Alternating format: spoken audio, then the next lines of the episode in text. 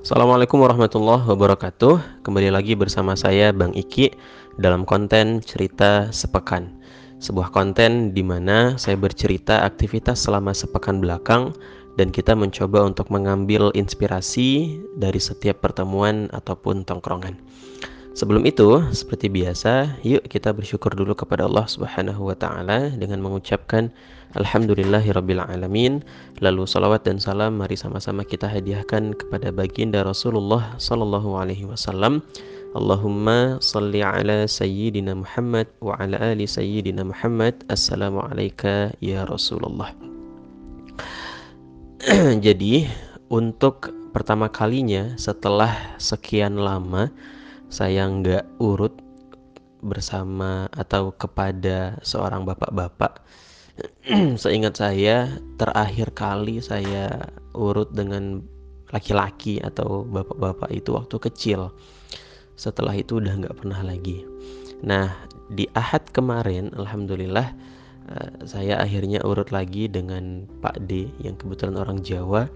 Dan ada inspirasi yang mau saya ceritain ke kamu di balik perjumpaan saya dengan Pak D ini. Pak D ini kebetulan usianya udah 71 tahun. Dia memiliki empat orang anak. Anak pertama, eh, ini saking jelasnya beliau bercerita ke saya, saya itu sampai hafal gitu, sampai tahu detailnya.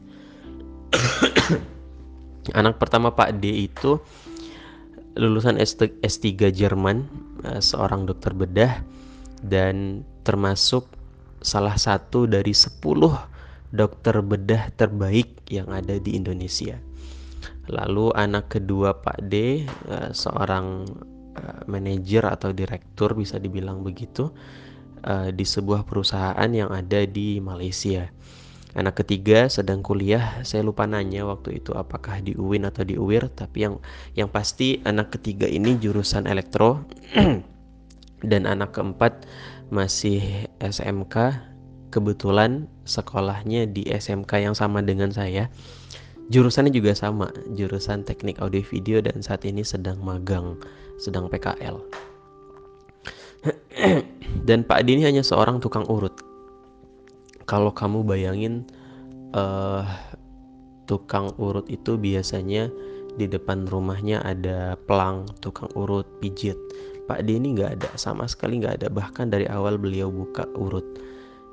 Tapi qadarullah masya Allah pasien Pak D itu sehari kalau normal itu bisa sampai 8 orang.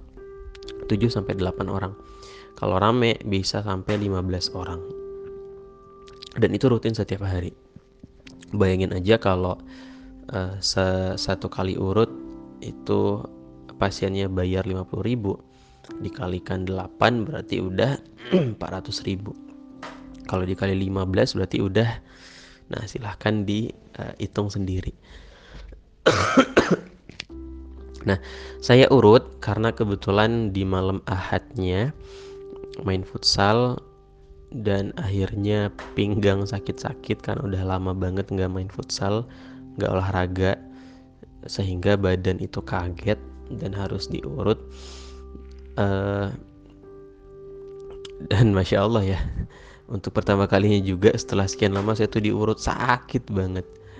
Tapi setelah itu memang kerasa efeknya eh, sakit-sakit pegel-pegel itu langsung hilang tapi hal menarik yang ingin saya ceritain, yang pengen saya ceritain ke kamu adalah Pak D ini dia cerita dia udah 8 tahun konsisten istiqomah membaca Al-Quran sehari dua juz. Yang berarti per 15 hari Pak D sudah khatam.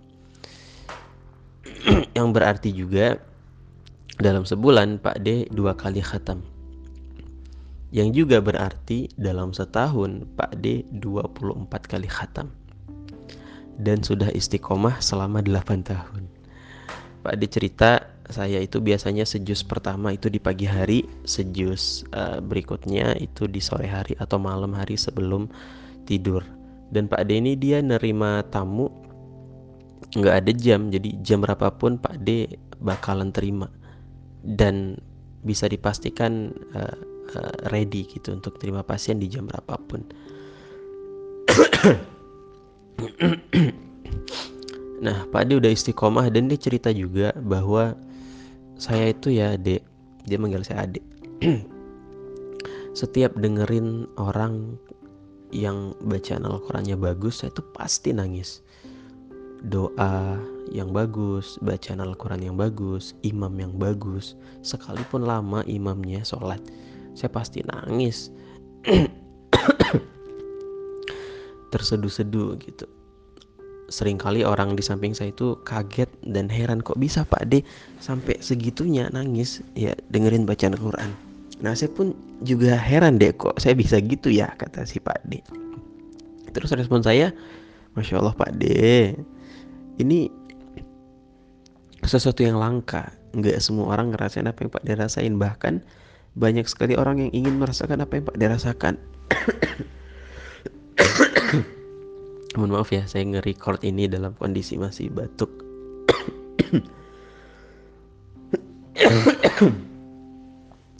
Batuk kering jadi gatal banget. Saya mungkin izin minum dulu ya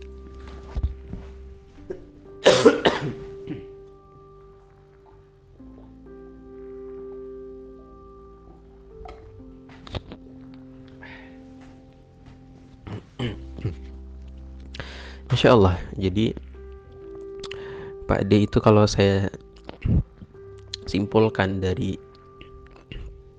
cerita dia beliau ini orang yang bersih insya Allah uh, usianya udah 71 tahun masih fresh masih istiqomah baca Quran. Lalu saya berkaca gitu ke diri sendiri. Saya yang aktivitasnya sehari-hari ngurusin rumah tafis bersama dengan penghafal Al-Quran orang-orang yang dekat dengan Al-Quran. Tapi amalannya justru tidak seperti Pak D seorang Pak D yang dalam tanda kutip hanya seorang tukang urut tapi beliau bisa memiliki amalan yang uh, sebegitunya. Dan saya nggak belum sampai ke belum sampai ke sana. gitu dan Allah alam apakah kamu juga udah sampai ke level itu? Jadi dari Pak D saya akhirnya cerita Pak D itu menampar-nampar saya nonjok-nonjok saya. Kamu tuh udah seserius apa dengan Al-Quran? Sudah secinta apa dengan Al-Quran Katanya mau buka rumah tafis yang banyak. Katanya penghafal Al-Quran. Katanya orang paham Quran. Pinter Quran. Tapi sudah sejauh mana bacaan Al-Quran kamu setiap hari? Sudah berapa juz dalam sehari kamu baca Al-Quran? Ini nampar-nampar saya banget. Sehingga pertemuan dengan Pak D itu berkesan sekali. Di tengah kesakitan yang saya rasakan. Jadi Pak D cerita sambil ngurut. Saya dengerin tapi sambil kesakitan gitu. Karena eh, sakit. Dipencet-pencet. Eh, bukan dipencet apa ya? Ya diurut lah sekuat-kuatnya sama Pak D itu gitu. Jadi Pak D Masya Allah. Uh, berkesan banget sama saya. Semoga berkesan juga buat kamu yang dengerin uh, konten ini audio ini. Uh, kalau memang saya jadi ingat kutipan yang pernah saya buat. Kalau memang uh, kamu cinta Cinta itu tidak cukup hanya dengan kata-kata, melainkan cinta juga harus dibuktikan dengan tindakan nyata. Kalau kamu bilang bahwa kamu cinta dengan Al-Quran, coba tanya ke diri kamu, sudah berapa banyak kamu membaca Al-Quran dalam sehari? Sudah berapa banyak ayat yang kamu hafal dalam sehari? Sudah berapa ayat yang kamu murojaah, berapa juz, berapa baris yang kamu murojaah setiap hari. Kalau memang kamu cinta, kamu pasti akan membuktikan cinta itu dengan tindakan nyata. Kamu baca Al-Quran yang banyak, kamu hafal Al-Quran, kamu murojaah Al-Quran, kamu tadaburi Al-Quran. Kalau memang kamu bilang kamu cinta Al-Quran, tetapi kalau kamu bilang kamu cinta Al-Quran, tetapi fa pada faktanya tidak demikian, maka bisa dipastikan saya dan kamu cintanya bohong, cintanya dusta, hanya sebuah kata-kata, tetapi tidak dibuktikan dengan tindakan nyata. Oleh sebab itu, yuk kita introspeksi lagi yang katanya selama ini cinta dengan Al-Quran apa buktinya kalau kita cinta dengan Al-Quran? Yuk kita banyakin lagi baca Qurannya kita banyakin lagi hafalannya kita banyakin lagi murajaahnya. Dan semoga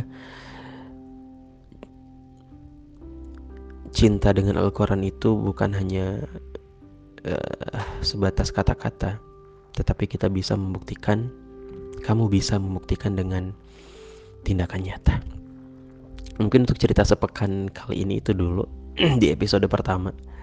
Sejujurnya saya masih ada bahan lagi yang mau diceritain tapi kondisi tenggorokan ini gatal banget jadi nggak bisa ngomong banyak-banyak. Itu aja sampai ketemu di episode berikutnya. Nah, cerita sepekan berikutnya sebuah cerita di mana saya bercerita tentang aktivitas yang saya lakuin selama satu pekan ke belakang dan kita mencoba mengambil inspirasi dari setiap pertemuan ataupun tongkrongan. Saya Bang Iki mohon undur diri. Terima kasih udah dengerin konten kali ini. Semoga ada manfaatnya. Wabillahi taufiq wal hidayah. Wassalamualaikum warahmatullahi wabarakatuh.